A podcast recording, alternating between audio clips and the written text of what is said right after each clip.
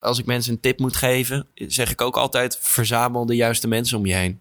En het hoeft niet per se mensen te zijn die heel dichtbij staan. Maar als jij bijvoorbeeld een vak hebt waar je nieuwsgierig naar bent, eh, neem contact met iemand op en eh, vraag of je eens een keer koffie kan drinken. Want mensen vinden het vaak heel leuk om, eh, om hun kennis te delen.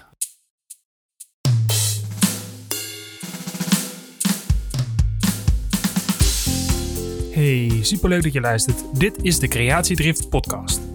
Mijn naam is Ruben Stelly en in deze podcastserie ga ik elke week in gesprek met een interessante creatief over creativiteit en zijn of haar creatieve leven. Ja, aflevering 7. En die liet iets langer op zich wachten. Ik was wat koorts en grieperig vorige week, dus was niet in staat om dit intro in te spreken. En in deze tijd van corona is het überhaupt verstandig om uh, rustig aan te doen en lekker thuis te blijven. Dat heb ik ook gedaan. Het gaat gelukkig stukken beter nu. Nog een beetje verkouden en een beetje last van mijn keel. Maar dan nu staat wel deze aflevering klaar. En ik heb een gesprek gehad met niemand minder dan Daan Boom. En man, wat doet deze man veel? Niet normaal. Je kunt hem kennen als een van de vier van het tv-programma Street Lab, waarin hij samen met zijn vrienden Stijn, Jasper en Tim enkele jaren sociale experimenten uitvoerde. Daarnaast uh, presenteert, hij ook, uh, presenteert hij ook enkele programma's, waaronder uh, Hotel Romantiek, en presenteert hij bij SEP het kinderprogramma Betreden op eigen risico. Hij won bijna het tv-programma Maestro, en daarnaast werd hij in 2018 uitgeroepen tot best geklede man van Nederland. Ook is hij muzikant en speelt hij in de Tante Joke karaokeband. En naast al deze dingen is Daan bovenal ook een echte maker.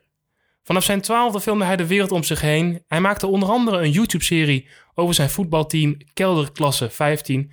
Een fantastische oprechte serie waarin hij zijn bar slechte voetbalteam volgt op weg naar het kampioenschap. Ik vond het uh, erg leuk. Het is heel hilarisch en het is herkenbaar. Dus mocht je het nog niet gezien hebben, dan uh, is dat te vinden op YouTube. De afgelopen tijd toerde hij door het land met zijn eerste solo-theatervoorstelling De Eerste. Zijn eerste solo-programma. Um, we hebben daar uitgebreid over. Ik spreek hem in Theater Ampion in Doetinchem. Waar hij eigenlijk later die dag, dus avonds, zou optreden. Maar vlak na de opnames van deze podcast is die voorstelling afgelast vanwege het coronavirus. Gelukkig heb ik hem wel ontmoet en staat deze aflevering erop. Uh, het gesprek begint een beetje halverwege in de zin van we hadden het al over iets en ik heb toen gewoon de band stond al aan, dus dat, uh, dat staat er al op.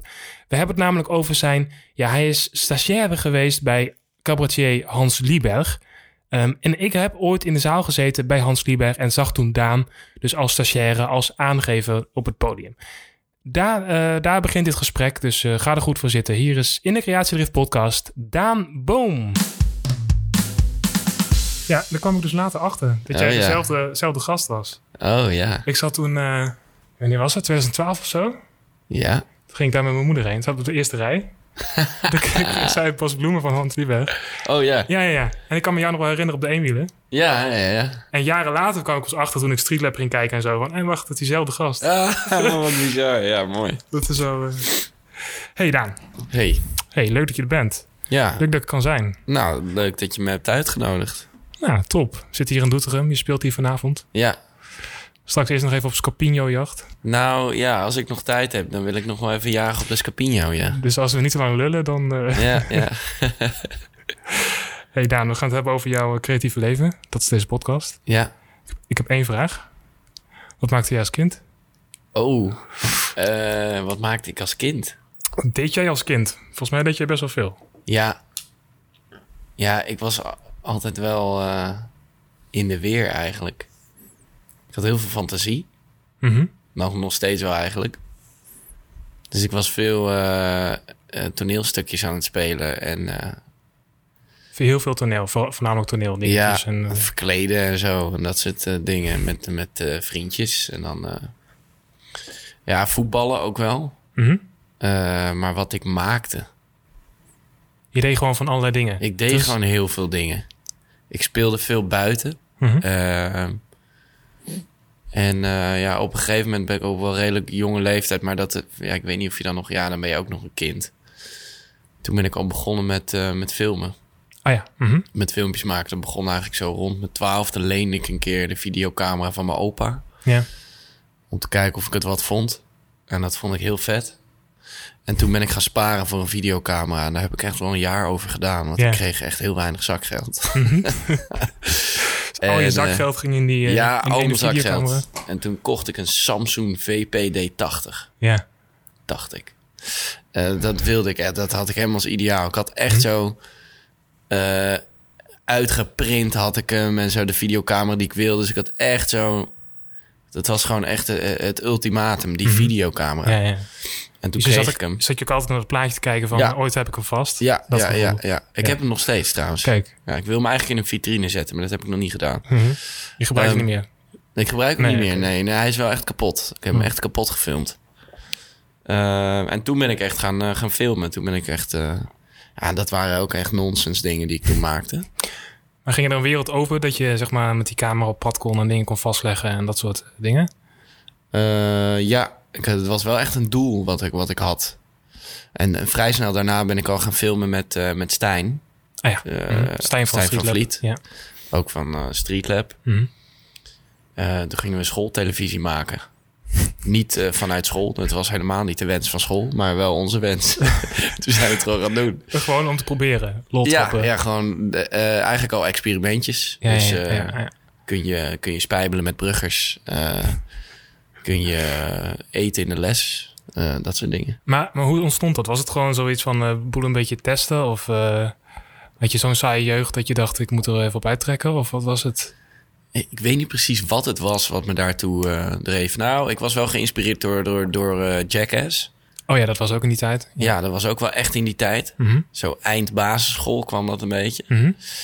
Eh, en ik vond dat, dat de, de vibe die daarin zat heel vet. Niet zozeer... Ja, het pijnige vond ik ook wel stoer. Mhm. Maar het, het, ja, dat ging wel echt ver. Ja. Daar was ik niet heel erg in geïnteresseerd. Maar wel in dat, d- dat lol trappen en dat gevoel overbrengen. Dat gevoel overbrengen? Ja. Dus wij, wij zijn ook wel heel vaak vergeleken met, eh, met Jackass. Maar wij noemden onszelf eigenlijk altijd een mentale Jackass. Mentale jackass. Met, eh met Streetlab dan. Mhm. Maar in de zin van mentaal, omdat het allemaal eh, experimenten waren, de sociale experimenten. Ja, waren. sociale experimenten. En dat het meer heel ongemakkelijk was. En dat daar de pijn in zat. Ja, in plaats van de fysieke pijn. Ja, precies. Ja. Dus en toen Street Lab. Ben je ook nog gaan studeren eigenlijk? Nee, Je wou naar de, naar de toneelschool. Toneelschool. Ja, daar ben ik eh, afgewezen. Ik heb drie jaar auditie gedaan. Oh, drie jaar ook echt Ja, elk drie jaar jaar weer, achter eh, elkaar. Ja.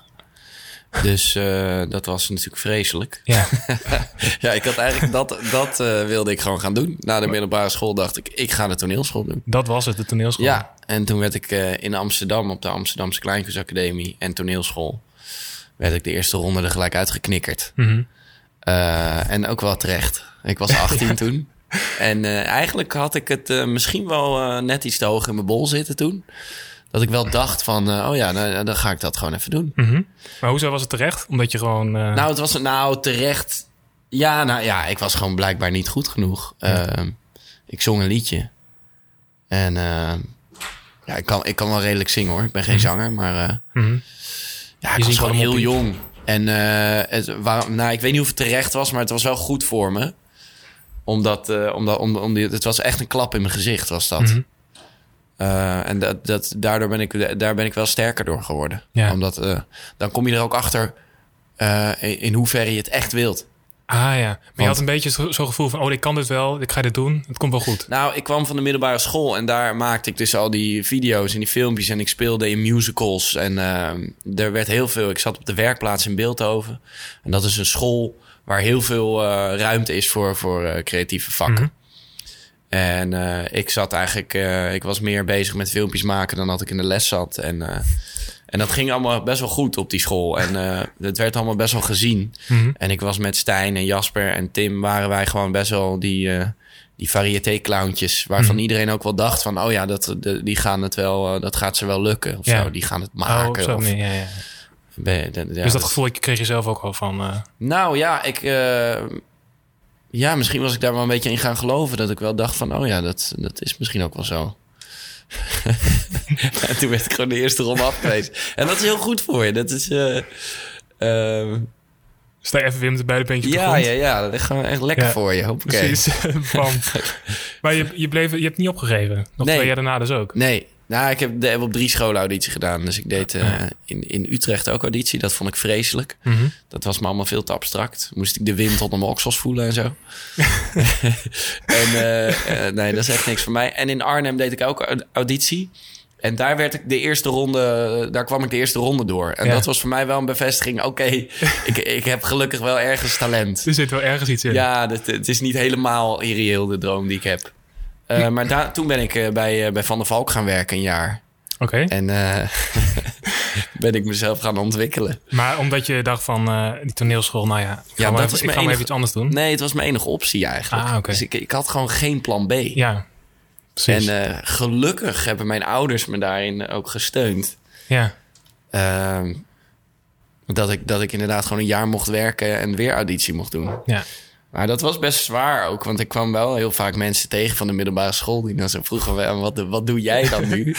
en dat is altijd, het gaat altijd heel gauw over wat mensen doen in het dagelijks leven. Mhm. ja. En dat was gewoon, Ja, dat ja. verhaal was niet sexy. Dat was gewoon echt, eh, ja, ik, ik werk bij Van der Valk en ik maak tussendoor filmpjes. Eh, dat, dat was het. Ja. Maar was eh, Streetlab liep toen ook al, of niet? Nee, nee, nee, nee. Dat was daarna ook pas? Nee, echt, echt nog lang niet liep dat. Al lang niet. Nou, ik maakte, ik bleef, ik ben al die tijd filmpjes blijven maken, maar Mhm. het had allemaal nog geen naam. Ja. Ehm, toen ben ik weer auditie doen, ben ik weer afgewezen. Maar dit keer wel in de derde ronde. Oh, weer een stapje verder. Dus ja, weer ja, een beetje dus, hoop. Dus eh, ho- hoe dat werkt is... eh, in Amsterdam bijvoorbeeld doen er denk ik iets van 1200 mensen auditie of zo. En er worden er 20 aangenomen. Ja, dat is echt Wat eh, bizar weinig is. heel dus de kans ja. dat je wordt aangenomen is natuurlijk, nou ja, heel klein. nihil. Ja. Ehm, en eh, in- als je in de derde ronde wordt afge- afgewezen, dan zit je ongeveer bij de laatste 50. Ah, dan Dus- heb je dus al heel veel mensen achter je. dus, dus dat was wel, ik vond het wel. eh, en in Maastricht zat ik ook in de derde ronde. Eh, dus dat was, ik ben ver gekomen, maar het was wel heel zuur. Ja. En toen ben ik in het management gaan werken van Hans Lieberg. Ah, daar kwam Hans Lieberg. Ja, en, en want ik zat bij de zoon van Hans Lieberg op school. Oh, Op de middelbare school. Ja. Dus eh, wij waren bevriend. En eh, op een gegeven moment vroeg ik aan, eh, heb ik Hans Lieberg opgebeld. Was ik heel zenuwachtig. Dan ging ik hem opbellen. Ging ik vragen, ja, heb je misschien, mag ik misschien, heb je misschien een baantje of een idee? ja. Maar dat was gewoon vanuit je eigen idee van... wat nou als Nou, ik met hem kan... Nee, ja, ik ben een keer op vakantie geweest met hun mee naar Duitsland. Ze hebben een huis in Duitsland. Oh, dus het was gewoon een goede vriend van jou ook, die, Ja. die jongen ja, ja, ja. En toen raakten we zo aan de praat. En eh, hij hield wel een beetje in de gaten wat, we, wat, wat ik allemaal deed. Ik had ondertussen ook meegedaan aan de kunstbende met Stijn Oh, en ja. Jasper. Mhm. En dat hebben we toen gewonnen. Dat is een soort eh, talentenjacht Ja, ja. voor jonge makers. Ja, ik ken het, ja. En dat wonnen we toen, eh, zowel regionaal als nationaal. Dus dat was ook wel weer een opsteker. En dat, dat wist Hans Lieberg dan ook. Dus die vond het allemaal wel interessant. En die filmpjes die ik dan maakte en zo. Dus toen eh, zei hij van, eh, ja is goed, kom maar in mijn management werken. En toen mocht ik eh, VHS-banden op, op, op harde schijven zetten. Dus dat mocht ik dan overladen. Dus toen, waardoor ik al zijn materiaal bekeek in een keldertje ergens in, een, in zijn kantoorpand. Oh, dat was, dat was het... Dat was het baantje. Dat was het baantje wat je van ja, hem kreeg. Ja, Ja. dus ik, ik mocht al die videobanden, maar dat werd één op één, werd dat ingeladen op een harde schijf. Dus Ah, ik keek al die videobanden. Mhm. Oh, dan, je ging- moest gewoon achter zitten en ondertussen... Ja. Ja, en dat ging echt terug tot 1989. Dus ik zag Ja. echt zijn, zijn groei. Mhm. Eh, en daar ben ik toen heel veel met hem over gaan praten. ja. En ik, ik kon ook wel zien wat er, wat er goed aan ging en wat er minder goed ging. Dus we hadden daar wel hele interessante gesprekken over. Mhm. Eh, dus dat klikte wel tussen Hans en mij. En, Ja. en toen ben ik voor het derde jaar auditie gaan doen op de toneelscholen. En werd ik voor het derde jaar achtereenvolgens ook afgewezen. Wederom eh, twee keer in de derde ronde. Ik deed alleen nog auditie in Maastricht en in eh, Amsterdam. ja. En ja, dat was natuurlijk heel zuur. En toen zat ik wel echt met mijn handen in het haar van... God, wat ga ik doen met mijn leven? ja. Hoe oud was je toen? Was je toen ergens rond de Toen was 20? ik of zo? 19. 19. Ja. Maar je, had nee, dat kan niet. Ik was denk ik 20. Ja, ik was 20. maar je had dus al wel contact met eh, Hans Lieberg. Ja, dus ik werkte al wel in zijn management. En toen belde hij mij op. En toen zei hij... eh, ja, ik ben weer een nieuwe show aan het schrijven. En ik, ik zat te denken, misschien kan jij als aangever in die show spelen. Toon Hermans had altijd een aangever. Mhm. Eerst was dat volgens mij Johnny. Op een gegeven moment werd dat zijn zoon. Ja. En eh, Hans Lieberg doet heel veel met de instrumenten. Toen dacht hij, ja, dan kom jij af en toe gewoon wat instrumenten opbrengen en dan ga je weer af. Ja. En toen dacht ik, ja, ik, wist geen, idee- ik had geen idee wat ik wilde doen met mijn leven. Dus ik dacht, ja, dit is natuurlijk top. ja, precies. Het was weer een kans die eraan kwam. Ja, let's dus, go. eh, waarom niet? In al die grote zalen, al die grote uitverkochte zalen. Ja. Nederland en Duitsland. Oh, ook meteen naar Duitsland ook. Ja. Nou ja, Dat en ook- uiteindelijk Ja, ja. is dat echt uitgegroeid tot wel een, eh, een aanwezige rol in die, in die show. En ook, eh, ik, ik heb met hem samen die show geschreven. Ik heb, mocht echt heel erg helpen met het schrijven van die show. Oh jeetje, dus je bent gewoon met hem gaan zitten en Ja. kijken wat jouw rol dan zou kunnen zijn? Ja, we zaten dat, dus eh, eigenlijk elke dag in, eh, in zijn schrijvershutje. en eh, dan gingen wij op zoek naar verbindingen in muziek. En dat was een hele goede combi, want hij, ja, hij is muziekwetenschapper van huis uit. Ja, dus hij weet ontzettend veel van muziek. Maar ik kende juist weer... Ja, ik ben ook heel erg geïnteresseerd in muziek. Maar ik kende dan meer de moderne dingen. Mhm. Eh, dus dat was eigenlijk wel een hele goede combi. dus Dat jullie vulden elkaar op muziekvlak ook aan, zeg maar. ja, ja. Nou, ik was echt zijn klankbord. Dus hij lulde gewoon. En dan eh, zei ik van ja, wel grappig, niet grappig. En zo... eh, Ah, dus een beetje, een beetje Ja, aftasten, een beetje sparren. spelen. Een beetje ja, sparren ja, inderdaad. Ja, Ja. ja. En uiteindelijk groeide die rol in die show ook wel echt uit... tot niet alleen een aangever, maar gewoon een... Ja, jij hebt het dan toevallig het gezien. Ja. Ja, ik mocht balletten en ik kwam op een eenwieler voorbij en ik speelde een stukje piano. En, ja, en je had die pauzebotjes volgens mij. ja ik Ja. eh, mocht inderdaad met, eh, met, met borden. Maar je had geen tekst, of wel? Nee, Nee, dat nee, nee, nee. Nee. Nee, het was echt een soort meme, eh, een soort clowntje. Wat zijn, wat zijn dan nog meer dingen die je in die tijd hebt geleerd van Hans Lieberg... die je nou weer toepast in je eerste eigen solovoorstelling? Eh, nou, de podiumervaring die ik heb opgedaan. Dus ik heb eh, die show meer dan 300 keer gespeeld. Je ziet heel veel, eh, Ja. veel tijd op het podium, zeg maar. Ja. ja, dat is wel echt fijn om dat te hebben. Mhm. Dat je gewoon die ervaring hebt, dat je gewoon zeker op zo'n podium staat. Ja. Ehm, nou, de, de, de, de, het harde werken heb ik wel echt van hem geleerd. Dus hij werkt elke dag. En, en om het dus ook echt als werk te zien. Dus Oh ja. Het was in, in die tijd voor mij wel ook nog gewoon heel vaak klieren. En dat is een heel goed uitgangspunt. Want dan Mhm. ben je vrij in je denken en zo. Ja, ja, ja. Alleen hij zag het wel echt meer als werk. Dus hij werkte elke dag eh, van 11 tot 1. Dus dat is niet een hele volwaardige werkdag. Nou ja, s'avonds gingen we dan optreden. Dus het is wel echt een werkdag. Maar, maar waar werkt hij daarna? Aan het programma waar jullie nog in zaten? Of Ja, schrijven. gewoon schrijven. verder schrijven? Ja, dus, Dus altijd. Elke dag weer? Ja, Maar dat, zo ontwikkelt het programma zich ook dus verder. nou, het programma ontwikkelde zich sowieso. Hij, hij doet zoveel met, eh, met het publiek. Ah ja, ja, dus hij is super interactief. Ja. Dus die show veranderde sowieso wel. Het was elke avond een andere show. Ja. Dat heb ik nu ook met mijn theatervoorstelling. Dat is ook elke avond anders. Nou ja, bepaalde gedeeltes. Ehm, dus die show ontwikkelde zich ook. En je, je doet natuurlijk dingen met de actualiteit. Hè? Dus er zaten veel politieke stukken in. Mhm. Ja, dat verandert natuurlijk constant. Ja, ja. Oh ja. En Dus daar Daar- ging, kon hij ook over nadenken. Ja, dus daar kan je ook al altijd aan blijven werken. En er zijn natuurlijk altijd nieuwe muziekjes die ineens maar. Oh ja. Mhm. de hoek omkomen. Dus daar kan je dan ook weer dingen mee doen. Dus zo, eh, ja, zo we daar elke dag eh, gesprekken over. Ja, maar zo blijft het voor hem misschien ook leuk. Als hij, Ja. als hij zo met muziek bezig is, om elke keer... elke keer Ja. Ja, dus dat werk heb ik wel echt van hem geleerd. Het gewoon eh, elke dag eraan zitten. en het spelen met publiek. Ja, Dus. ja, dus ja, zeker. Je, je, je ziet zeker als je naar mijn voorstelling komt kijken en je kent eh, de shows van Hans Lieberg, of je bent een keer naar een show van hem geweest, dan zie je zeker invloeden terug. Ja, ja.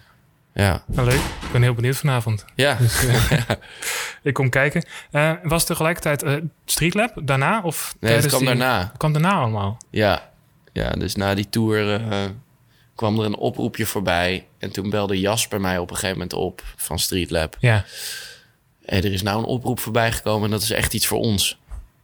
Eh, ze zochten vier vrienden voor een dagelijks eh, programma. Ja. Dat was een programma voor Veronica. Oké, Veronica was dat. Ja, Ja. Waarin eh, vier vrienden saaie dingen uit het dagelijks leven leuk proberen te maken. En toen dachten we, nou laten we even een filmpje opnemen. Dat was heel spontaan, ging dat. Dus ik bel Stijn op. Ik zeg, kom straks even bij langs, want we gaan even een filmpje opnemen. Mhm. Dat vond hij allemaal prima. Ja, zo ging dat ook. Ja. Eh, en toen eh, namen we dat filmpje op en dat monteerde ik dan. En de dag daarna werden we gelijk gebeld door de producent. CCCP heet dat. En daar, ja, die waren super enthousiast. Matthias Schut is dat. Die was super enthousiast. Door dat, door dat ene filmpje wat Dat jullie het hadden ene ingestuurd. filmpje, ja. Dus jullie waren niet bezig met allemaal filmpjes maken. Want Nee. dat, dat idee kreeg ik. Nee, maar ja, dat is heel niet- vaak vragen mensen ons van... eh, oh ja, jullie zijn toch doorgebroken door YouTube en zo. Ja, maar dat is, nou, dat was dat toen nog niet waar. niet. Nee. Dat was toen nog nee. Ik, maakte, ik zette overigens mijn video's ook alleen op Vimeo. Ah, ja. Ik weet ook niet zo goed waarom, maar ik Mhm. zette niks op YouTube. Ehm, en eh, ja, die, die Matthias was zo en- enthousiast dat hij gelijk zei van... ja, we gaan dit doen en eh, jullie komen nu bij ons en eh, dan gaan we dat maken. En nou, die zag een gouden toekomst voor zich. En, Mhm. dus wij dachten, we wisten niet wat we hoorden, joh. dus wij dachten van ja, oké, let's go. Vier vrienden uit Utrecht. Die dan Ja. mensen... Ja. Ja, ik weet nog toen we dat filmpje aan het opnemen waren... dat we tegen elkaar zeiden van hoe vet zou het zijn... als we dit elke dag zouden kunnen doen. ja, precies. Nou ja, en dat, en dat is, eh, eh, is, is werkelijkheid geworden. Ja, dat is werkelijkheid gewoon. Ja. Ja, dat is echt bizar. Ja. Die, die periode van Streetlab, als je daar niet op terugkijkt, heb je ook een soort van. eh, het- dus je hebt dus niet een, een opleiding gehad, niet een HBO-opleiding of zo. Maar die hele periode, is dat nou ook een soort van opleiding geweest in de zin van dat je jezelf kon ontwikkelen, heel veel dingen kon proberen, een bepaalde scheid aan dingen kreeg Ja. misschien wel, dat soort dingen. ja, ik heb die periode ook echt als mijn opleiding gezien. Nou, Ja. niet per se Streetlab, ja, ook. Ja, misschien in combinatie met Hans Lieberg. Ja, zeker. In die periode dat ik met Hans Lieberg toerde, was ik, maakte ik overdag dan vaak eh, filmpjes in de steden waar we stonden. Ehm, En ehm, was ik ondertussen met eh Stijn Jasper en Tim ook filmpjes aan het maken. En zo ontwikkelde ik. Ik kreeg eigenlijk gewoon vrij spel. Dus ik verdiende geld en ik kon mezelf ontwikkelen. Ja. Uh, en uh, bij dat programma wat we toen... Toen hebben we dus een programma voor Veronica gemaakt. En dat was wel echt een soort opleidingje. Oké, dus dat was, een, dat was niet Streetlab, maar dat was Nee, anders. dat was een programma voor Streetlab. En dat kan, Mhm. is nergens meer te vinden. Gelukkig. Dus uit de archieven. ja, dat, dat flopte ook wel echt. Dat was uh, dat, wat ze eigenlijk wilden. Het werd gesponsord door uh, Bavaria. En ze wilden eigenlijk vier stoere gasten.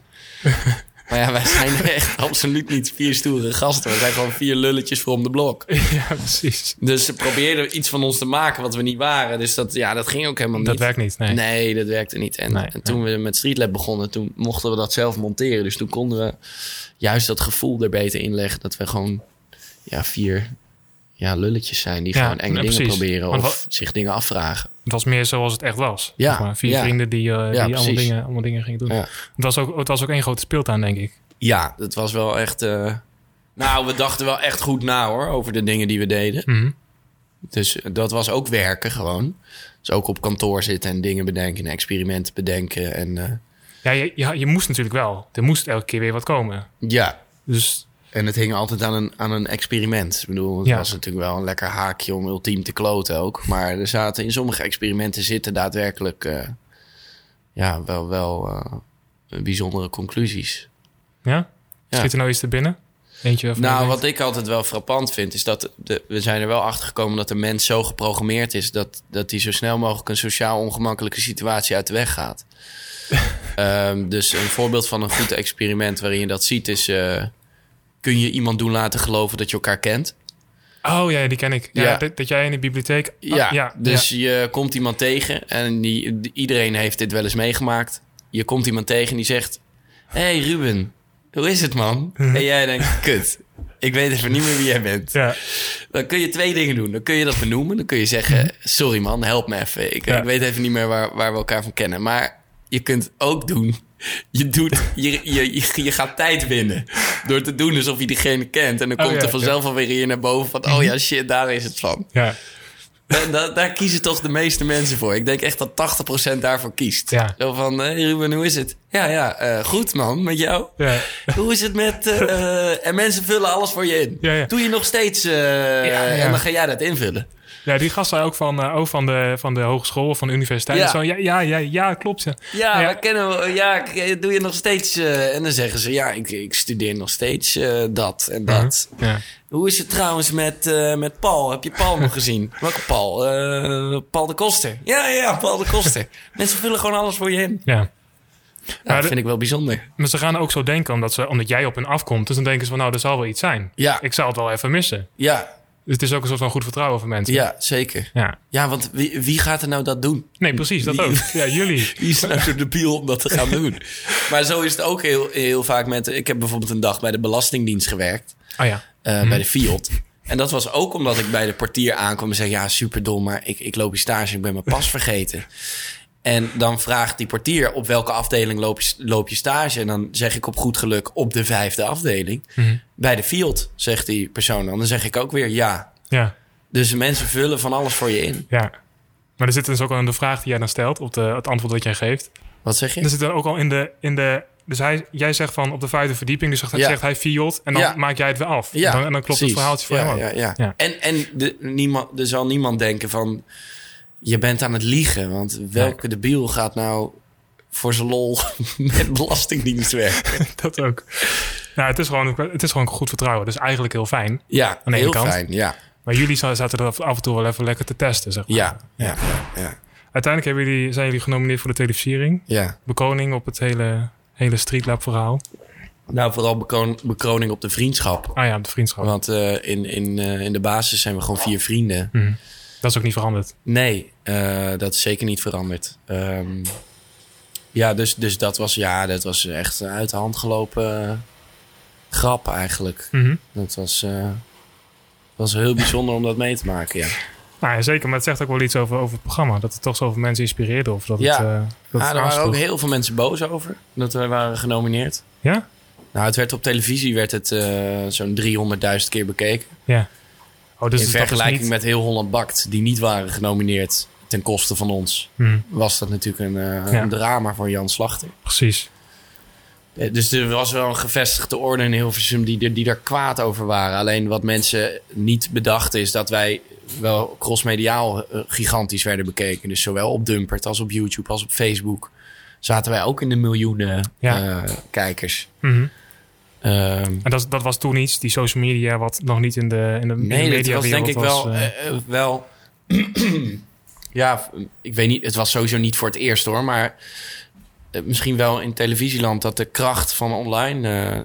ja, ja, precies. dus, bewezen ja, werd. echt ja, bewezen werd, ja. Ja, ja, ja. Oké, ehm, je bent daarna nog allerlei, allemaal, andere dingen gaan doen. Ja, Je bent kelderklasse begonnen. ja. Ja, Ja, dat was, ik heb echt met super veel plezier gekeken.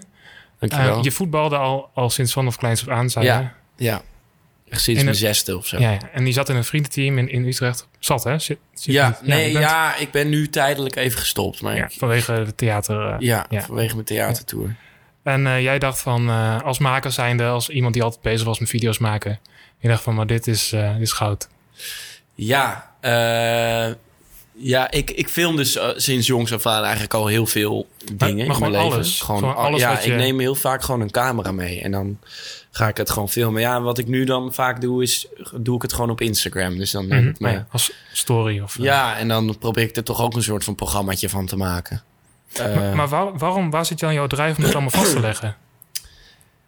Wat- is jouw omdat, ik, omdat ik, ik vind het heel leuk om mijn, mijn manier van kijken te delen. Ah. Dat vind ik heel tof om te doen, denk ik. Ik denk dat dat het is. Ja, Ehm, dus ik, zie, ik heb heel veel dan mensen die dicht bij mij staan in mijn leven. Zoals de coach van mijn voetbalteam. Mhm.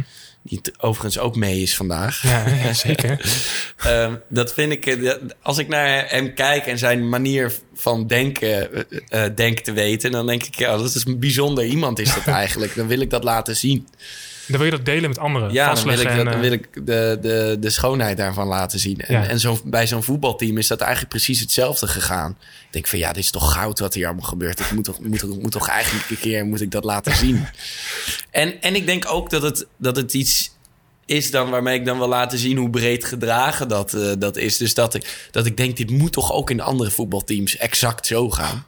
En dat is ook inderdaad de reactie die ik heel vaak Ja, terugkrijg. Van het is zo herkenbaar. Maar dat is ook waarschijnlijk wa- waarom het een succes is geworden. Omdat Ja, heel veel het mensen het allemaal herkenden. Ja, ja, en voetbal is gewoon echt iets heel erg, eh, heel erg universeels. Ehm, en, eh, en inderdaad gewoon zo'n teamverband. Want ik krijg niet alleen van, eh, van voetballers terug dat, dat het herkenbaar is, maar ook van vriendinnengroepen. Ja, ja, precies. Die zijn dezelfde, sporten, zijn maar- dezelfde patronen Ja, precies. dingen. Er is Ja. altijd iemand die te laat is. En er is altijd iemand die erbij is, maar daar eigenlijk geen zin in had. Ja. Eh, Dus dat, dat zijn natuurlijk hele leuke, herkenbare dingen. Ja, zeker. Liep je nou al lang rond met dat idee van ik wil dat doen? Ja, eigenlijk wel. Eh, da- daarom was ik ook al echt actief begonnen met filmen. In 2015 begon ik al met filmen. Bij het voetbalteam gewoon camera Ja. mee op zondagochtend. En Ja, even, even ja, lekker- ja, omdat ik al het idee had van ik wil hier een serie over maken. Ja. Eh, dus met die insteek was ik al af en toe begonnen met filmen. En dat zit ook in, eh, in- de serie. eh, Oké, oh, die beelden gebruikt hij weer. Ja, dus Ja. die heb ik een beetje daarin verwoven. Mhm. Ehm, alleen dat, toen was ik zo druk met Streetlab dat ik eh, daar geen tijd voor had. Alleen het is heel fijn dat je dat in je archief hebt, die beelden. Dat Ja, komt ja, dan altijd nog van pas. Precies. Dus ik film nu ook nog steeds af en toe door. Als je daar bent, bij, het voetbalteam. Omdat ik eh, denk van ja, wie weet eh, ga ik ooit nog een keer een seizoen maken. Dan heb ik dat allemaal. Ja, de precies. belangrijke gebeurtenis. Ja. Dus ik wilde dat al heel lang. En uiteindelijk toen eh, Streetlab, eh, toen we een, pauze inlasten met Streetlab, toen eh, dacht ik, wat ga ik doen? En toen wilde ik onder andere de theatershow maken die ik dan nu, Mhm. waarmee ik nu tour. En ik dacht, ik wil een serie maken over mijn voetbalteam en dat moet maar eens gaan gebeuren.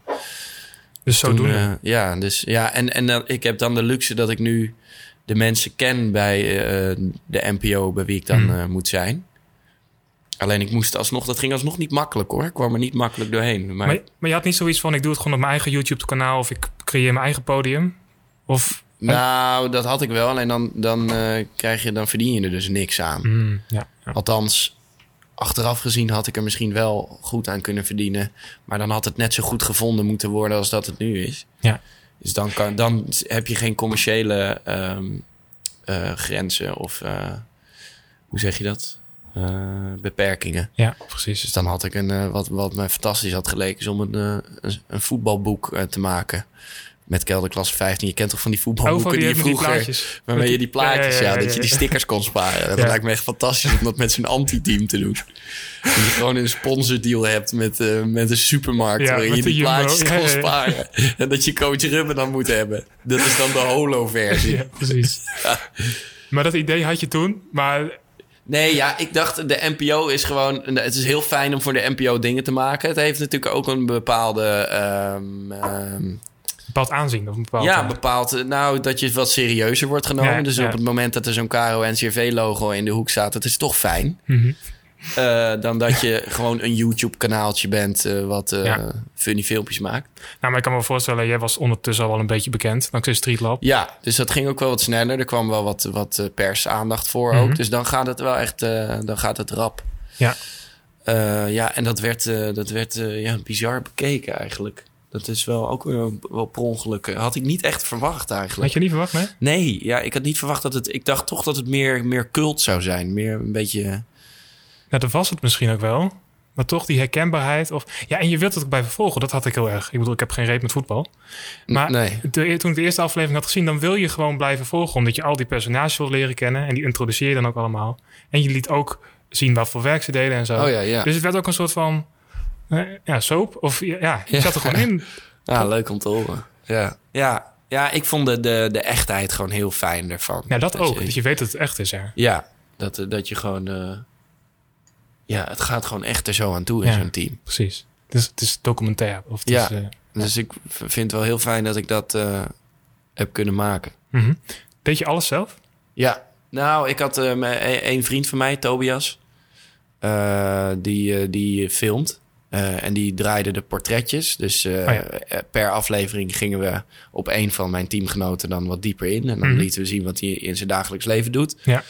En dat draaide Tobias dan. En dat is een reclamejongen, dus die filmde dat echt fantastisch. En die stond bij de wedstrijden ook. Hij filmde de wedstrijd en ik eh, filmde de reality. Dus ik was vooral gefocust op coach Rubben en op kapotte voetbalschoenen. En weet ik veel wat er allemaal gebeurde. Arie met zijn vlag. Arie, die moest vlaggen, ja. Ehm, maar ik monteerde dat zelf. En eh, dat was echt een monnikenwerk. Dat is eh, echt... Ja, dat Dat kan ik me goed echt, voorstellen. mijn leven was wel gewoon kelderklasse, eigenlijk. Ja. Ja. Maar daar is ook Ja. niks mis mee. Nee, nou, dat is heel leuk. Alleen, eh, het, ja, het neemt wel je hele leven in beslag. Ja, Ja. maar je kreeg wel de, wel de ruimte van de, van de Cairo en CRV om dat te doen. Dus niet dat ze zeiden van oké, je gaat het programma maken. We sturen een heel eh, team naar jou toe. Nee, ja, dat is inderdaad wel omdat ik dat zelf dan wenste te doen. Maar ook om budgettaire redenen. Dus er is Mhm. niet zoveel geld voor online. Dus op het moment dat jij een editor gaat inhuren... dan eh, hou je er helemaal niks meer aan over. Mhm. Ik heb er echt niet veel mee verdiend met eh kelderklas. Nee, Nee. Maar wel het is wel een super mooie serie geworden. Ja, dat vind ik, ik ben heel blij dat ik het gemaakt heb. Ja, Ja. Eh, en aan dat editen en dat camera maken, dat heb je dus ook in al die jaren ontwikkeld. Ja. Eh, tijdens Street Lab, Ja. dus tijdens al die, al die ja. En dat kon er ineens uitkomen. ja dat is echt fantastisch. Ja. ja, dat is ook gewoon doen, hè? Dus ja, dat, nee, eh, zeker. Maar je, je hebt ook heel veel mensen die, die doen één ding, maar jij doet ook gewoon alles. Je pakt ook Ja. al die dingen gewoon aan. En je hebt misschien ook het interesse ervoor. ja. Editen kan ook gewoon kutwerk zijn, maar... eh, ja, dat is het af en toe ook. mhm. Je, je, zit, e- je zit echt, ik denk dat je 20% van de tijd probleem aan het oplossen bent. ja, ja. Ja, jij kent het waarschijnlijk ook wel met je, met je podcast nu. Dat je dan weer iets hebt wat vastloopt. Of je saved hem even niet. Of eh, precies. dat soort dingen. je, je moet hem renderen en dan moet je weer een bepaalde codec kennen. Dus dan zit je weer uren tutorials te kijken. Ja, het is ook gewoon Oh, ja, gezeik is het. Ja, ja, ja. maar uiteindelijk heb je nog wel eh, genoeg lol in het maken. Ja, het hoort ook bij het leven. Hè? Administratie vind ik ook niet leuk. Maar dat moet je ook doen. Nee, maar dit, dit soort dingen, dat renderen of eh, monteren, dat levert wel, of dat maakt wel het eindproduct. Ja, Dus dat is ook wel, ook wel moeite waard. ja, en ik vind het fijn dat ik het zelf kan monteren. Omdat ik, ik heb dingen... Ik denk dat iedereen die eh, iets maakt... eh, een bepaald idee of een bepaald beeld in, in je hoofd Mhm. hebt. Ik weet niet hoe jij dat doet met je illustraties of met je graphic design. Mhm. Ik heb dan gewoon een beeld in mijn hoofd en dan wil ik dat het zo eruit komt te zien. En dus dan wil je het ook in de hand houden. Niet, dat, Ja, niet dus het handen geven. Je hebt altijd dat als je, dat hadden we met Streetlab op een gegeven moment ook, hoe, hoe groter het programma werd, hoe meer mensen er mee te maken kregen. Eh, dus dan kregen we op een gegeven moment een editor. Aan het begin editen, eh, deden we zelf nog de edit. En op een gegeven moment kreeg je een andere editor. En die maakt er iets anders van dan dat jij in je hoofd hebt. Ja, en dat is heel logisch. Mhm. En soms is dat heel goed. Mhm. Alleen ook- soms kom je ook teleurgesteld eh, terug van een dag draaien. En denk je, oh, heb je dit ervan gemaakt? Ja. ja, je kan ook verrast worden natuurlijk. Hè? Of dat je net even andere invalshoek eh, Ja, het krijgt. kan ook heel verfrissend zijn om het Ja. juist wel te doen. Precies. Alleen het is, het is wel moeilijk om iemand te vinden waarmee je kan lezen en schrijven wat dat betreft. Ja. En daarom werk ik denk ik ook heel vaak met mensen om me heen. Dus vrienden. En eh, dus de Tobias, die jongen met wie ik kelderklas heb gemaakt... die ken ik ook al, eh, al mijn hele leven bijna. Daar, daar maak je nu weer een nieuwe YouTube-serie mee, toch? Ja, klopt. Ja, Ja. nou ja, Of ik in ieder geval één video. ja we hebben even één video gepost. Ja, ja, ja. ja. Ja, dat heb ik dan ook gedaan. Omdat ik, daar had ik even geen zin om, eh, om de NPO-molen in te gaan. Mhm. Om dan met zo'n programma te gaan leuren. En ik dacht nu, ik post het gewoon zelf. Gewoon lekker maken. wat er gebeurt. Lekker doen. En, eh, Ja. precies. Ja. Maar nu ook weer. jouw broer zit hier in de, de- Jouw broer is jouw crew. Ja, Dus mijn, broer doet de techniek. Mensen om jou heen, daar, daar, daar maak je gebruik van. Maar Ja. maak je gebruik van, dat klinkt een beetje negatief. Maar in ieder geval, eh, ja, ja, je helpt elkaar. ja. Of dat vind je fijn om daarmee te werken. ja, dus ik denk ook, ik, eh, als ik mensen een tip moet geven, er wordt wel eens gevraagd. En dan zeg ik ook altijd, verzamel de juiste mensen om je heen. Mhm. En het hoeft niet per se mensen te zijn die heel dichtbij staan. Maar als jij bijvoorbeeld een vak hebt waar je nieuwsgierig naar bent, eh, neem contact met iemand op en eh, Ja. vraag of je eens een keer koffie kan drinken. Want mensen vinden het vaak heel leuk om, eh, om hun kennis te delen. Precies. Eh, dus daar kun je heel makkelijk gebruik van maken. Ja. Maar dan moet je het dus wel vragen. Of dan moet je er wel, ja, moet je ja, wel je zelf wel het gaan. initiatief tonen. Ja, Ja. Nou ja, zoals jij dat dus ook al deed met Hans Lieberg ja, destijds. ja, ja. Ja, ik vond het heel eng om hem op te bellen. Maar uiteindelijk is het heel belangrijk voor mij geweest Ja, dat nee, ik het heb gedaan. Het is wel een soort van eh, kantelpunt. Ja, of, eh, absoluut. Absoluut. ja. Ja. Ja. En nu sta je dus in de theaters met je eigen soloprogramma. Is dit nou eigenlijk het allerleukste? Ehm, het optreden, ik vind het optreden af en toe het allerleukste wat er is, ja. Af en Het- toe. Nou, altijd. het verschilt echt per avond. Ja? Ja, ehm, ik had gisteren bijvoorbeeld echt een hele goede avond.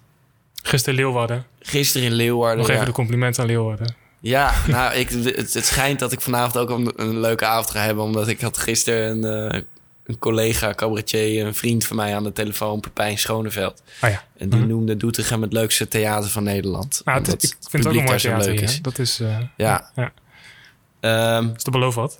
Maar op zo'n avond dat het goed gaat, dan voel je, dan gaat het gewoon echt vanzelf. Dan, Mhm. dan, dan ga je echt zweven. En dat, dat van wat ik er echt fantastisch aan vind aan het theater, is dat het gewoon echt heel erg in het nu gebeurt. Dus dat het op dat moment eh, doe je iets met het publiek en op dat moment eh, eh, lachen mensen om je. Dus dat is heel. het is heel fijn om te zien wat je met mensen doet. En bij televisie is het zo: je monteert iets en dan maak je het, dan is het af en dan zend je het uit. En je ziet mensen hun gezicht daar niet bij. Ja, precies. En nu kom ik oplopen en dan moet het nog gebeuren. En dat is een hele. Dat, is, dat maakt het ook gelijk heel eng. Mhm. Maar dat maakt het ook, als, het- als dat echt goed gaat, dat maakt het heel fantastisch. Ja, dus je zit ook een beetje op het randje, maar als het dan goed gaat, dan geeft het ook extra veel voldoening. Ja, ja. En, en waarom het af en toe eh, dat iets minder is, is omdat je je soms ook onbegrepen voelt. Dus ik vertel eh, iets op het podium. Ik doe heel veel dingen. Het is ook best een rare voorstelling. Ja. En soms heb je zalen, eh, zeker als er wat minder mensen zitten, dan kan dat best wel stug zijn. ja. Dus dan, eh, Maar om de dan boel- heb je het gevoel dat je niet begrepen wordt. En dan heb je zo van, nee, maar kom op, Ja. ik doe, dit bedoel ik. Of, Mhm. en, Oh, en- dat, dat kwartje valt dan niet? Of de... ja, soms duurt het nou. Eigenlijk valt het altijd wel. Ja. Maar soms heb ik best wel lang nodig. Omdat het mijn eerste voorstelling is, Mhm. weten mensen gewoon echt niet waar ze naartoe Nee, gaan. nee.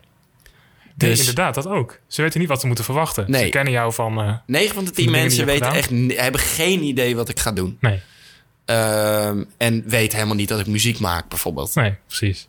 Eh, dus, dus dat kan het eerste, de eerste 10 minuten à kwartier, kan dat best wel wat verwarring opleveren. Of dat mensen denken, waar zijn we beland? Ja, precies. Eh, maar even zoeken van, eh wat de fuck is dit? Of hoe moet ik dit... Ja. Hoe moet Ja. ik hierop reageren? Ja, en dat is voor mij af en toe wel... dat, dat vind ik wel, wel, wel pittig daaraan. Maar het is zeker een van de leukste dingen die ik ooit gedaan heb. Ja, Ja. Maar was dit ook, als je zou zeggen van, wat was je jeugddroom vroeger, was dat dan dit? Ja het was theater, meer dit eh, dan televisie. Meer dit dan televisie, Ja. Dus televisie was een, een, zijde, of een zijroute. Ja, dat kwam later pas. Dat wilde ik ook wel heel graag, maar dat kwam later pas. Ja. Ja, ja, precies. Hoe is, het, eh, hoe is dit programma ontstaan? Ik begreep dat het gebaseerd is op jou, die, of jij, die heel veel dingen wou vroeger. Ja. En dat heb je nu eindelijk de kans voor om dat in je programma te doen. Ja. Zeg ik dat goed? Ja, ja, ja. Eh, het, is, ja het is een beetje hoe dit tot stand is gekomen. Is, dit is, eh, het, dit, mijn theaterprogramma is wel een beetje in het kleine hoe een leven eruit ziet. dus het is gewoon echt een veelheid aan dingen. Het ziet er een beetje schizofreen uit, de voorstelling. Ja. Gaat wel van hop naar her. Mhm. Ehm, Maar ja, als, dat, als jij dat bent, dan is het... eh, ja, dat is in mijn leven ook zo. Ja. En eh, ehm, dat is ook een keer misgegaan. Dat was in de, een beetje op de top van de streetlab-periode. Ben ik wel, eh, eh, ben ik wel tegen de muur, ge- muur aangelopen. Omdat je heel veel wou. Omdat ik te veel deed. Hm. Eh, eigenlijk wij alle vier. We zeiden te veel ja op dingen. En alles is leuk, dus je neemt alles aan. Ja. En dat is toen eh, fysiek echt misgegaan. Ik heb eczeem, heb ik. Mhm. En dat was toen... Ik kreeg toen zo'n ernstige eczeemuitbraak... in combinatie met een infectie... dat ik daar echt heel ziek van werd. En, En dat- toen ben ik opgenomen in het ziekenhuis geweest. Jeetje. En Tien dat, dagen. dat kwam door de, tien dagen. Ja, En, En- dat kwam door de stress die... ja, door de die- stress eigenlijk. Maar Ja. dat realiseerde ik me toen nog niet. Ik dacht toen dat het kwam omdat... eh, weet ik veel. Ik wist niet waar het vandaan kwam. Ik dacht Mhm. gewoon... Wat kut dat dit gebeurt. En Ja. het moet nu opgelost worden. Toen werd ik opgenomen in het ziekenhuis. eh, tien dagen. En toen... Nou ja, dan stoppen ze je natuurlijk vol met prednison. En weet Ja. ik veel wat allemaal. En dan, Mhm. en dan kan je weer lopen. En toen ben ik weer hetzelfde gaan doen. Dus gewoon weer die, eh, die Ja. in, gewoon weer alles doen. En toen ben ik weer opgenomen geweest. Eh, en toen ben ik pas gaan begrijpen waardoor het kwam. Dus toen had ik pas door van... oké, ik ben gewoon te hard aan het rennen. Ja. Ik, dit kan gewoon niet. Precies. Ehm, en daar gaat het ook over in mijn voorstelling. En dat is wel een beetje de, de ziekte van deze tijd ook. Is dat doordat je... Er is zoveel mogelijk Mhm. en je kunt zoveel. En ik wil dat ook allemaal. En er zijn meer mensen die het allemaal willen... en niet weten wat ze willen en daarom maar alles gaan doen Ja. dat je jezelf met dat je te veel hooi op je vork neemt en dat ook omdat alles zo zichtbaar is, dus iedereen deelt zijn eigen successen. Ja, Ik en je ben- ziet alleen ik- die successen. ja, dus en en je gaat bijna erin geloven dat geluk de norm is, Mhm. terwijl dat, dat is natuurlijk niet zo. Nee. Ik denk dat millennials het heel moeilijk vinden om te accepteren dat slechts 20% van je leven geluk, eh, geluk is. En de, de andere gedeelte is niet ongeluk, maar het is ook gewoon heel vaak een rechte lijn. En Mhm. dat is eh, heel goed als Ja. dat zo is. Ja, en nee, dat, nee, dat moet je wel inzien. Ja. Eh, ja, en, en dat... eh, daar heb ik wel echt voor, even voor nodig gehad om dat eh, in te zien. Ja, precies. Maar dat is een soort van onderliggende eh, Ja. rode draad in deze voorstelling. Ja, ja. Dus het is ook een beetje een soort van maatschappijkritiek, of hoe, nou, zo, dat is misschien niet het goede woord, maar een beetje een Ja, soort van boodschap ja, van, over deze tijd. ja. Ja, dat is, het is dan uiteindelijk de conclusie dat ik nu een plek heb gevonden waarin ik dat allemaal kan combineren. En dat is het theater. Ehm, ja, maar het is moeilijk hoor om echt een rode draad te ontdekken in mijn programma. En er zitten zeker dingen onder de, de dingen die ik doe. Ja, Alleen zit, er zijn alsnog heel veel mensen die, die naar buiten lopen en denken: Oké, dit was best wel leuk, maar waar, waar, waar, naar zitten, waar, waar we naar hebben zitten kijken, weet ik eigenlijk nog steeds niet. Maar dat vind ik ook fijn, dat vind ik Ja. ook leuk. ja. Maar het- ik weet dat er een illusionisten-act in zit. Ja, Dat klopt. is zoiets. Ja. Dus dan denk je bij jezelf, oké, dat lijkt me gewoon vet om eens een keer te doen. Ja, ja, ja, dat is wel echt de reden. Dat wilde Ja. ik gewoon altijd al doen. Ik wilde gewoon altijd al in een windmachine staan in een glitterhemd. Dat lijkt me gewoon fucking vet. Maar dus zo is dit hele programma ontstaan. Oké, wat, wat, eh, wat zou ik nog een keer Ja, doen? ik, ik ben begeleid door Peter Heerschop. Oh. Eh, dat was super tof. Dat is echt een hele toffe vent is dat. En die Ja. vroeg aan mij, wat wil je doen? En toen zei ik, ja, nou ja, veel te veel. Ik had allemaal ideeën opgeschreven. En er waren gewoon veel te veel dingen... en die allemaal niks met elkaar te maken hadden. En toen zei hij, ja, dat is alleen maar goed. En, en hij liet me eigenlijk zien dat het, dat het ook heel erg symbool kan zijn... kan staan voor de tijd eh, of de Oh. generatie... Ja, eh, die ik dan... waarin, waarin ik me dan bevind. ja, dus het is ook een soort van logisch vervolg, eh, gevolg van de tijd of van Ja, de ontwikkeling ja, die je zelf hebt meegemaakt. Ja. Ja. Ik kwam er ook eigenlijk pas later achter wat mijn programma nou eigenlijk betekende.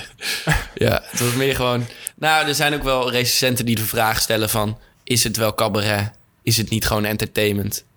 En dat vind ik eigenlijk wel een legitieme vraag. Eh, alleen, eh, ja, er zitten wel degelijk dingen onder, hoor. Is het ook niet een beetje een ouderwetse vraag? Of in de zin ja, ja. Dat, Nou ja, kijk, sowieso, hè. Je krijgt natuurlijk sowieso een, een, een sticker van het is cabaret. En het is fijn dat het cabaret genoemd wordt, want dat is makkelijker voor als je kaartjes gaat kopen. Dan denk je, oh ja, we gaan nu gewoon naar precies. cabaret. Ja, avondje lachen. Alleen, ja, je kunt je, ja, ik ben benieuwd wat jij erover zegt uiteindelijk. Of jij zegt, is het cabaret? Ja, je zou er ook, dat vind ik dan ook altijd zo pretentieus, als mensen zichzelf dan een, eh, een eigen genre toe, te, toe bedelen, weet je wel. En ze zeggen, ja, het is, het is nieuwerwets variété, is het. Ja, maar dat soort dingen ben je als maker toch helemaal niet mee bezig? Nee, ja, ik maak gewoon wat ik wil maken. Ja, precies, daar- gaat het om. Ik, ik hoef, voor mij hoeft het helemaal niet in een hokje geduwd te Nee, worden. maar het is ook lekker bevrijdend dat je er gewoon helemaal geen reet Ja, van aan kan trekken. ja. Gewoon doen wat je, wat je leuk vindt. Ja. Maar ik ben heel benieuwd vanavond. Ja. Leuk, Leuk. dat je komt kijken. Nee, zeker. zeker. Hey, ehm, heb je ook nog nieuwe dingen op de plank staan? Of heb je nieuwe ideeën in je hoofd zitten? Ehm, ja, ik heb wel heel veel nieuwe, nieuwe ideeën in mijn hoofd zitten, ja. Ik ben onder andere, maar dat doe ik ook in mijn eh, theaterprogramma. Daar ga ik rappen. Rappen? Ja, rappen. Ja, ik eh, probeer, ik wil, ik wil graag succesvol rapper worden.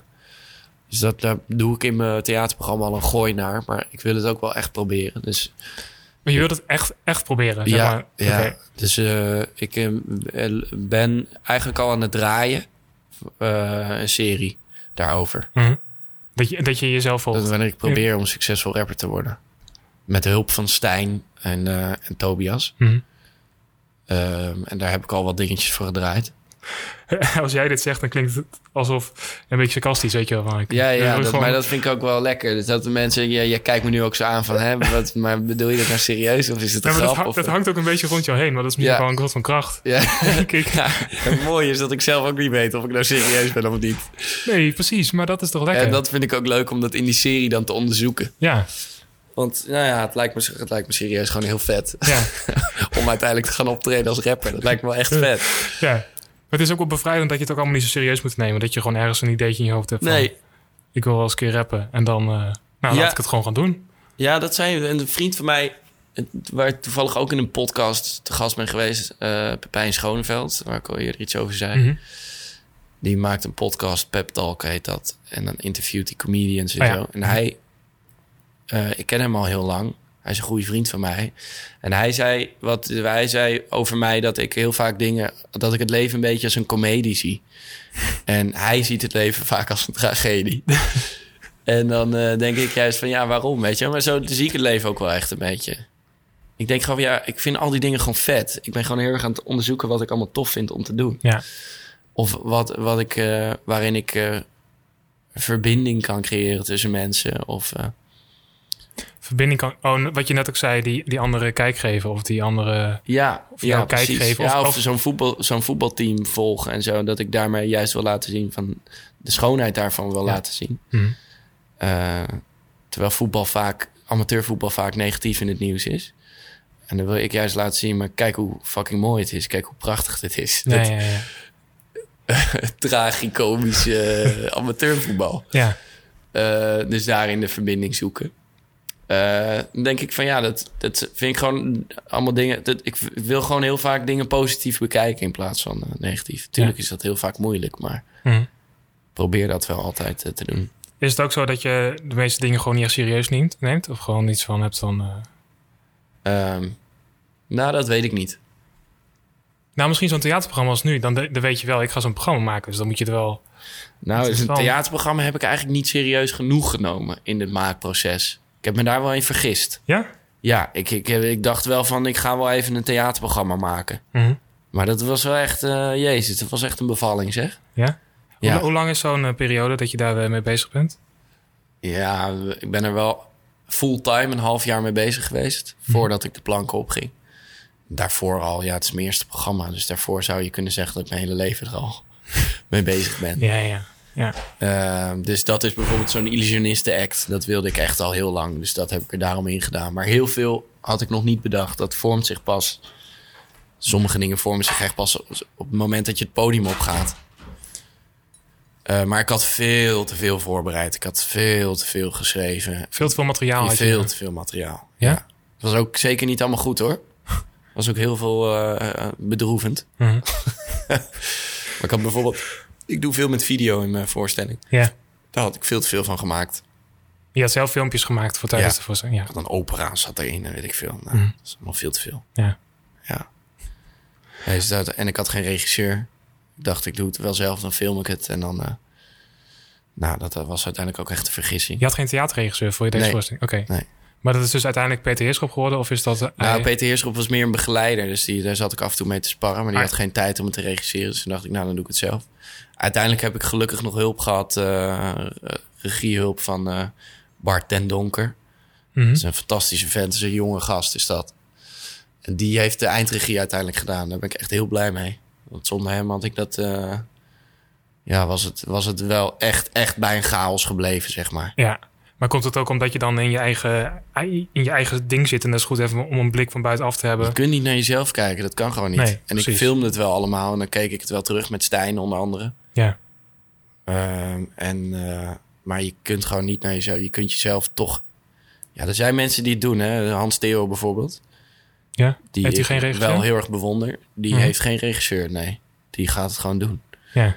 Ja, ik denk dat hij zoveel talent heeft dat hij. eh, ik weet niet, er zijn echt weinig mensen die dat kunnen, denk ik. Mhm. Ja. Maar ehm, wat je zei over de eerst heel veel schrijven... dat is denk ik ook gewoon wat vrij normaal is, toch? Voor zo'n proces. Ja, het is wel. Dat je eerst gewoon superveel hebt. Schrijven is schrappen, dat is natuurlijk ook zo. Ja. Ehm, alleen, ik, ik probeer dat er echt allemaal in te persen. Dus ik schrapte niet. Omdat je het gewoon allemaal erin wou hebben. ja, Dus ja, dan- ja. Ik heb de tweede, voor de tweede try-out heb ik bijvoorbeeld twee uur en tien minuten gespeeld. Ja. Ja, dat sloeg nergens op. Ja. Dus dan probeerde ik gewoon alles te doen. ja. Ja, Maar dan kon je wel even proberen van... eh, is dit het of is dit het niet, zeg maar. ja. ja. en dat was het niet. Precies. Gaat deze voor- eh, voorstelling volgend jaar door? Of, eh, nee, dit het? nou ja, je weet niet hoe het verder gaat met de corona. Dus misschien komen er volgend seizoen inhaalvoorstellingen. Ehm, Oh ja, dat kan natuurlijk ook nog. Ja, maar nee, nog- ik ga niet in reprise. Nee. Nee, nee, oké. Dus, dit- dus je loopt nu nog een paar keer, denk ik, of niet? Ja, ik doe er nog eh, 16, toch? 16, Tom? 16, nog Ja, 16 nog. 16. En dan is het, Ja. eh, dan is het over. Ja, ik riep even naar mijn broer die de techniek doet. Die kan ja. net even binnenlopen. Daan, ik heb nog één vraag en die, die stel ik ook heel vaak. Eh, wat is het beste advies wat jij ooit hebt gehad? Of voor je carrière of voor het maken? Oh, dat vind ik wel echt een moeilijke. Beste advies wat ik ooit heb gehad. Schiet er iets te binnen? Ja, dat is wel heel cliché, maar ik weet, ik weet niet eens meer van wie ik dat advies, advies heb gehad. Dat is meestal gewoon doen. Mhm. Dus eh, ik denk echt dat dat de, de sleutel is tot heel veel dingen. Is dat je gewoon, als je je afvraagt of als je een keer iets wil gaan doen en dat je de hele tijd er maar over na gaat denken van ja, dat ga ik ooit nog doen. Dan gaat het, dan, ja, het zit hem heel vaak gewoon in het gewoon gaan proberen. Dus Ja. dat is bij mij, eigenlijk bij alle dingen die ik eh, heb gemaakt, is, is dat de. Het klinkt echt heel debiel, maar is dat wel echt de beginstap geweest waar, waardoor het is gelukt uiteindelijk. Doordat je het gewoon bent gaan doen. Ja, dus een serie maken over je voetbalteam. Ja, ik ben gewoon begonnen met filmen. Ja. En ik wist helemaal nog niet of ik dat voor de NPO zou gaan maken. Of... En bij een theatershow ben ik gewoon naar open podia gegaan en ben ik dat gewoon gaan doen. Ehm, en je kunt zeggen van nee, ik wil pas optreden als ik eh, een half uur materiaal heb. Maar je kunt het ook gewoon gaan proberen. Ja, precies. Al, aldoende Ja, niet, niet veel over nadenken. ja, en ik weet niet van wie ik dat nou heb geleerd, eigenlijk. Ik denk dat het op de middelbare school gewoon is begonnen. Heb je toch nog iets opgestoken op school? Ja, ja. hey Daan, eh, dankjewel ja jij dit, eh, bedankt. voor dit gesprek. Ik vond het Ja. leuk. Ik hoop dat, er, dat, dat niet de mensen na 10 minuten zijn afgehaakt. Dat hoop ik ook niet. Nou, als ze dit luisteren, dan, dan, dan, Ja, dan horen bedankt ze het nog, voor hè? het helemaal afluisteren. Ja, precies. dus heb je nog wat te vertellen nu, dan eh, kan je het er niet uitgooien. Nee, nee, eigenlijk niet. Hey, Nee. ik ga vanavond kijken en dan... eh, ik ben heel Ja, benieuwd. leuk, man. ik ben heel benieuwd. Ja. Super bedankt aan. ja, jij bedankt. Ja, dat was er weer deze aflevering van de Creatiedrift podcast. Heb je tips, vragen of opmerkingen over deze aflevering of over de hele podcastserie? Dan kun je mailen naar podcast.rubenstelly.nl Je kunt mij ook toe- toevoegen op de social media @rubenstelly of mijn website bezoeken www.rubenstelly.nl. Dan wil ik je bij deze nog hartelijk bedanken voor het luisteren en ik wens je een hele, hele fijne dag.